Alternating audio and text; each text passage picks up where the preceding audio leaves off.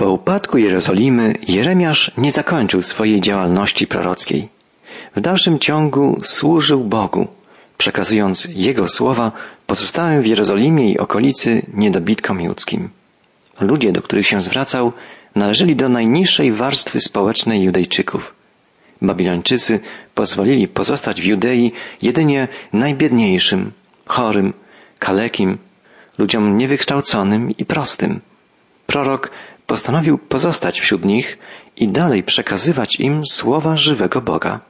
Przypomnijmy, że Babilończycy, którzy zdobyli Jerozolimę, pozostawili Jeremiaszowi wolność wyboru. Mógł udać się do Babilonii, gdzie zapewniono by mu dobre warunki życia, mógł też pozostać w zniszczonej Jerozolimie wraz z niedobitkami ludu judzkiego. Prorok postanowił pozostać w Jutei. Kochał swoją ojczystą ziemię. Pragnął dalej służyć swoim rodakom.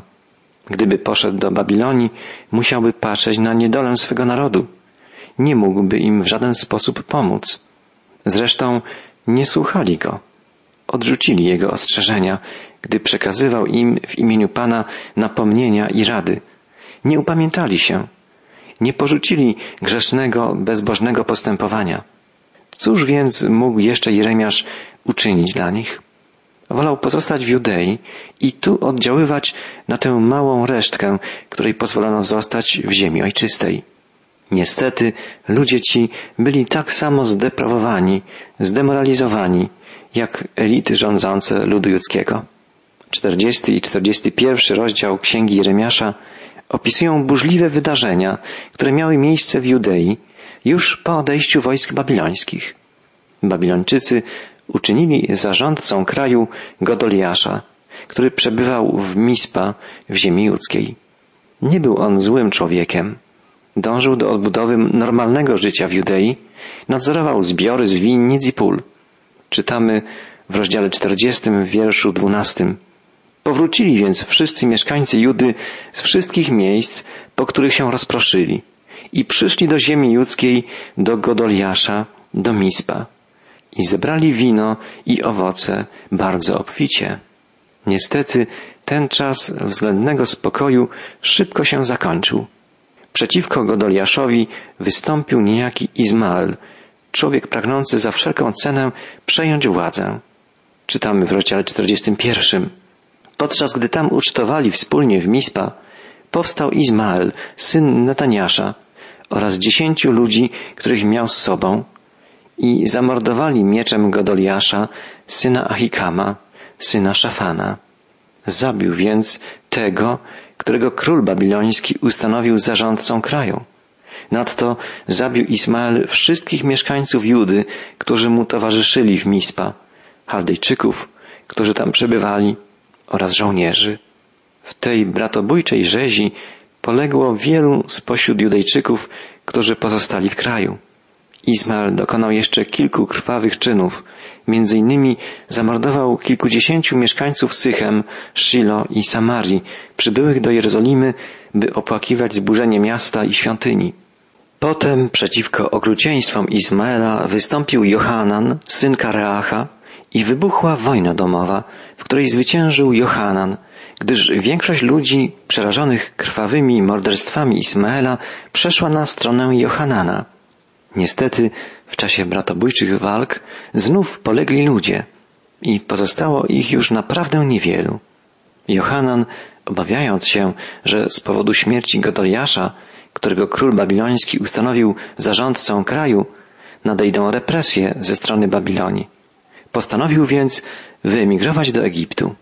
Przed wyruszeniem w drogę udał się jednak wraz z całym ludem do proroka Jeremiasza, aby prosić go o zasięgnięcie Bożej Rady. Czytamy o tym w 42 rozdziale Księgi Jeremiasza. Wszyscy dowódcy wojskowi wraz z Johananem, synem Kareacha i Jezaniaszem, synem Hoszajasza oraz cały lud od małego do wielkiego przyszli i powiedzieli do proroka Jeremiasza, niech nasza prośba znajdzie posłuch u Ciebie. Módl się za nami do Twojego Pana, Boga, za całą tę resztę, bo pozostało nas naprawdę niewielu z wielkiej liczby, jak to na nas sam widzisz, aby Twój Pan Bóg wskazał nam drogę, którą mamy pójść i co mamy czynić. Ta prośba wydaje się świadczyć o dobrej woli resztki Judejczyków, by usłuchać Bożej rady, by pójść drogą, którą wskaże im Pan. Posłuchajmy, co pisze dalej Jeremiasz. Prorok Jeremiasz odpowiedział im, dobrze, będę się modlił do waszego Pana Boga, zgodnie z waszym życzeniem. Każde słowo, jakie mi Pan powie o was, oznajmię wam, nie tając przed wami niczego. Jeremiasz zawsze przekazywał swym rodakom Boże Słowo, Bożą wolę. I teraz prorok podkreśla, zapewnia, że jego rada nie będzie oparta o własne przemyślenia, nie będzie bazować na własnej mądrości. Będzie to głos Boga, będzie to Boża mądrość, Boża wola. Posłuchajmy, jakie przyrzeczenie złożyli Johanan i wszyscy pozostali Judejczycy. Oni zaś rzekli do Jeremiasza, Bóg nam świadkiem wiernym i prawdomównym, że postąpimy we wszystkim według tego, co Pan, Twój Bóg, objawi dla nas. Czy będzie to dobre, czy złe, usłuchamy głosu naszego Pana Boga, do którego się uciekamy, aby się nam dobrze powodziło, gdyż posłuchaliśmy głosu Pana, Boga naszego.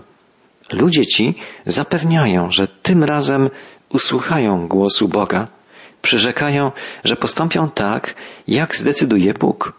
To wszystko brzmi wspaniale. Boży prorok będzie modlił się do Pana i przekaże ludowi wiernie wszystkie słowa, jakie oznajmi mu Bóg. Natomiast oni składają przyrzeczenie. Postąpimy we wszystkim według tego, co Bóg objawi dla nas.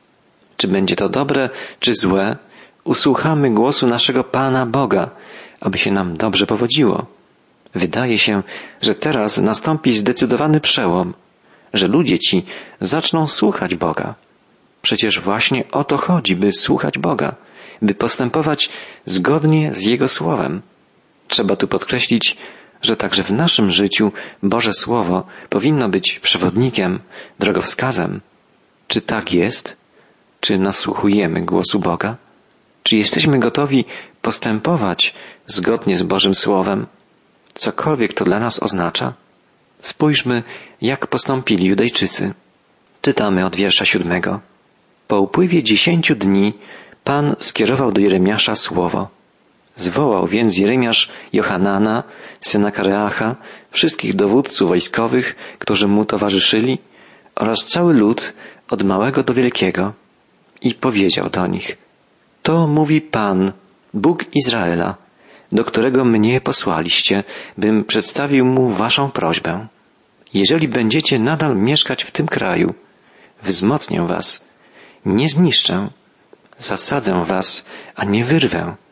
Ogarnął mnie bowiem żal nad nieszczęściem, jakie wam uczyniłem. Bóg zapewnia, że pragnie okazać swemu ludowi łaskę, miłosierdzie.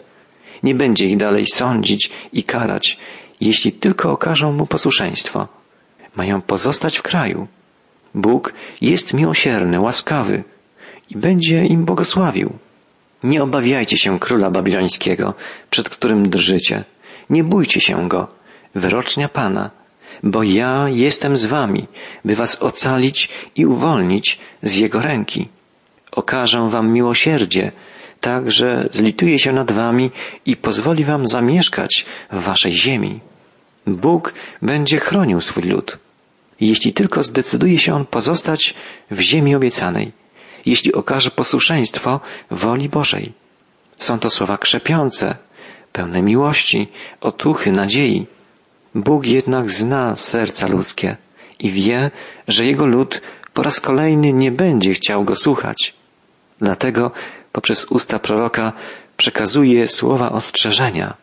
Jeżeli zaś postanowicie, nie słuchając głosu Pana, waszego Boga, nie chcemy przebywać w tym kraju i powiecie, raczej chcemy udać się do ziemi egipskiej, gdzie nie będziemy oglądać ani wojny, ani słyszeć głosu trąby, ani łaknąć chleba.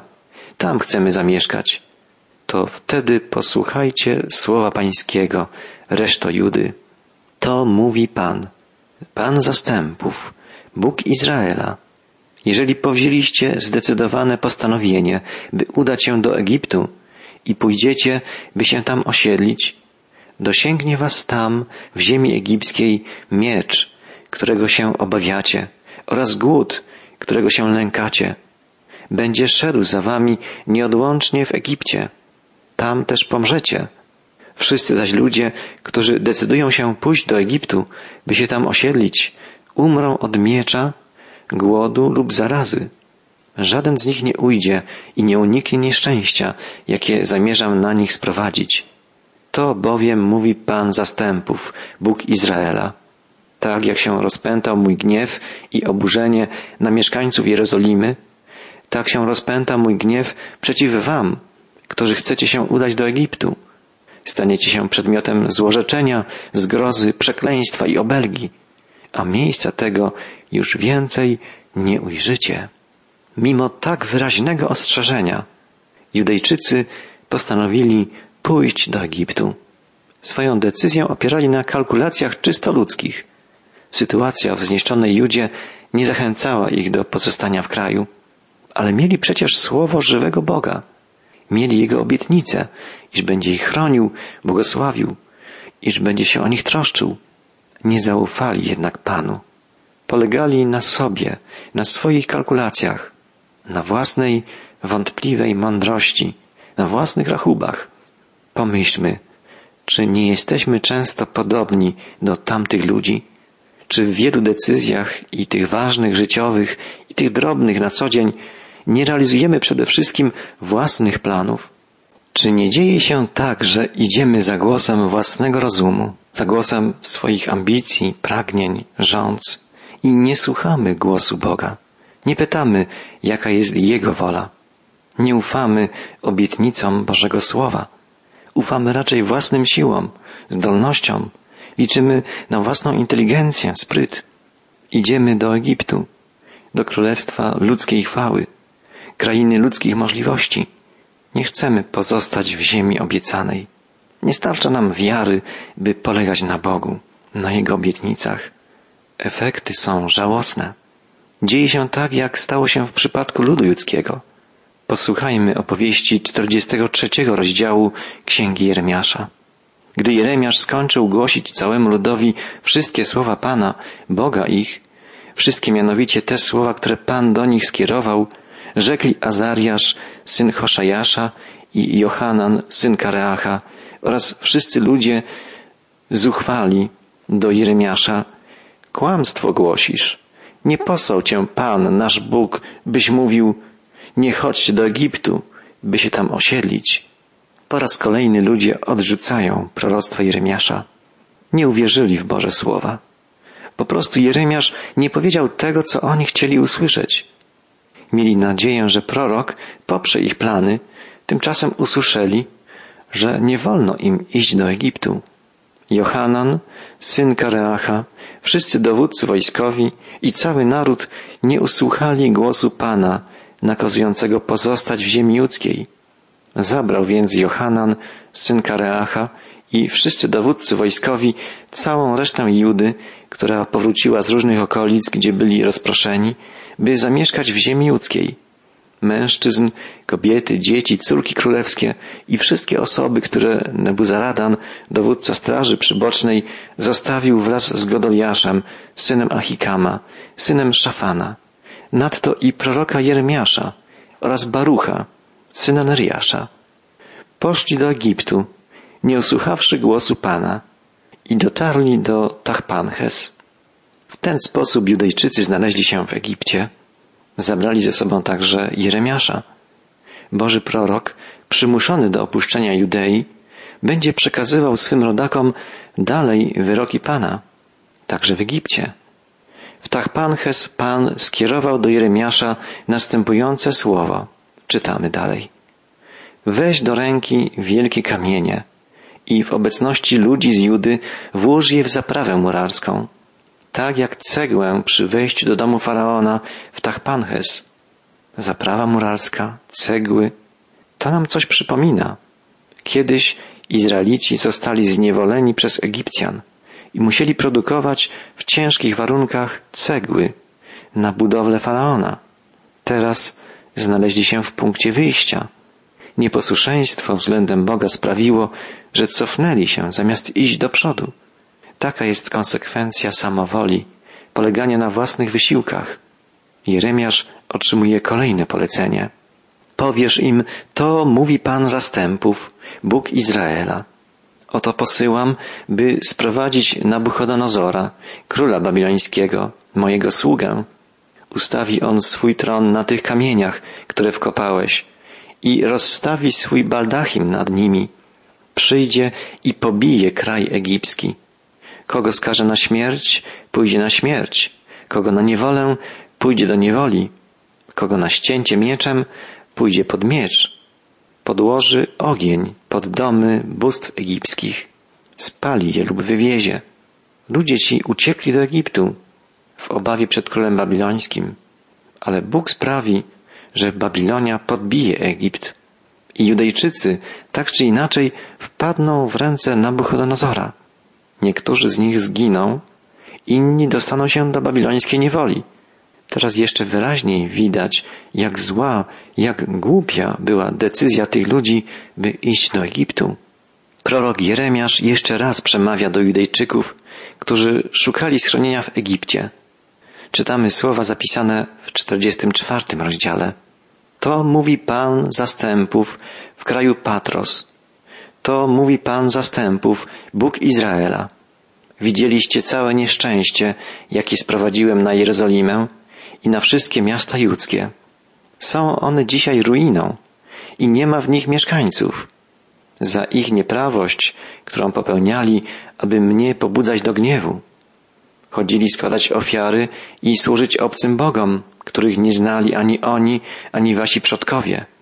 Mimo, że posyłałem do was nieustannie wszystkich moich sług, proroków, by mówili, nie czyńcie tych wstrętnych rzeczy, których nienawidzę, nie chcieli słuchać, ani nie nakłonili swych uszu, by się odwrócić od swej nieprawości i by nie składać ofiar obcym bogom. Bóg jeszcze raz przypomina, jakie są przyczyny kary, którą wymierzył ludowi judzkiemu. Wybuchł mój wielki gniew i zapłonął przeciw miastom judzkim, przeciw ulicom Jerozolimy, tak, że zostały obrócone w ruinę i pustkowie, jak to trwa do dzisiaj. A teraz to mówi Pan, Bóg zastępów, Bóg Izraela. Dlaczego sprowadzacie wielkie nieszczęście na samych siebie, przyczyniając się do wyniszczenia spośród Judy mężczyzn, kobiet, dzieci i niemowląt, tak że nie pozostanie z was nawet reszta? Dlaczego pobudzacie mnie do gniewu uczynkami waszych rąk, składając ofiary obcym bogom w ziemi egipskiej, gdzieście się osiedlili na wytępienie i na przekleństwo, na urągowisko u wszystkich narodów ziemi? Po osiedleniu się w Egipcie, zbiegowie judzcy zaczęli uprawiać kulty pogańskich bogów. Niektórzy doszli zapewne do wniosku, że skoro w gruzach legła świątynia jerozolimska, uznawana przedtem za niezniszczalną, może lepiej zwrócić się ku bóstwom egipskim. Świadczy to o duchowym i moralnym upadku ludu judzkiego. Bóg zapowiada poprzez usta proroka, tak samo ukażę zamieszkujących w ziemi egipskiej, jak ukarałem Jerozolimę, mieczem, głodem i zarazą. Sąd Boży jest nieuchronny, gdy ludzie odwracają się od żywego Boga, a zwracają ku bożkom wymyślonym, fałszywym. Posłuchajmy, jak odpowiedzieli na zapowiedź sądu Jeremiaszowi zdeprawowani Judejczycy. Nie posłuchamy polecenia, jakie nam przekazałeś w imię Pana. Raczej wprowadzimy w czyn wszystko, co postanowiliśmy sobie – składać ofiary kadzielne królowej nieba, składać na jej cześć ofiary płynne, podobnie jak to czyniliśmy my, nasi przodkowie, nasi królowie oraz nasi przywódcy w miastach judzkich i na ulicach Jerozolimy. Wtedy mieliśmy pod dostatkiem chleba, powodziło się nam dobrze i nie spotkało nas nic złego. Od czasu, gdy zaprzestaliśmy składać królowej nieba ofiary kadzielne i płynne, cierpimy niedostatek wszystkiego i giniemy od miecza lub głodu. A kobiety powiedziały, ilekroć składamy królowej nieba ofiary kadzielne i płynne, Czyż nie zawiedzą naszych mężów, przygotowujemy dla niej ciastka z jej wizerunkiem albo wylewamy płynne ofiary? Widzimy, że ludziom tym brakowało zupełnie duchowego poznania. Zamiast ufać prawdziwemu Bogu, polegali na kulcie wymyślonej bogini, królowej nieba. Jeremiasz przekaże Judejczykom słowo Boga. Pan nie może już znieść ohydnych czynów, jakie popełniacie. Dlatego kraj wasz został obrócony w ruinę, w pustkowie. Dlatego też wszyscy ludzie z Judy znajdujący się w ziemi egipskiej wyginą doszczętnie od miecza i głodu. Dopełni się sąd nad ludem z powodu jego odstępstwa, z powodu bałwochwalstwa, nieprawości, braku duchowego poznania, moralnego zepsucia. Pamiętajmy, byśmy nie popełniali podobnych błędów. Oddajmy chwałę jedynemu prawdziwemu Bogu, królowi nieba i ziemi, naszemu Stwórcy i Zbawicielowi. Słuchajmy Jego słowa i prośmy, by nas prowadził i błogosławił.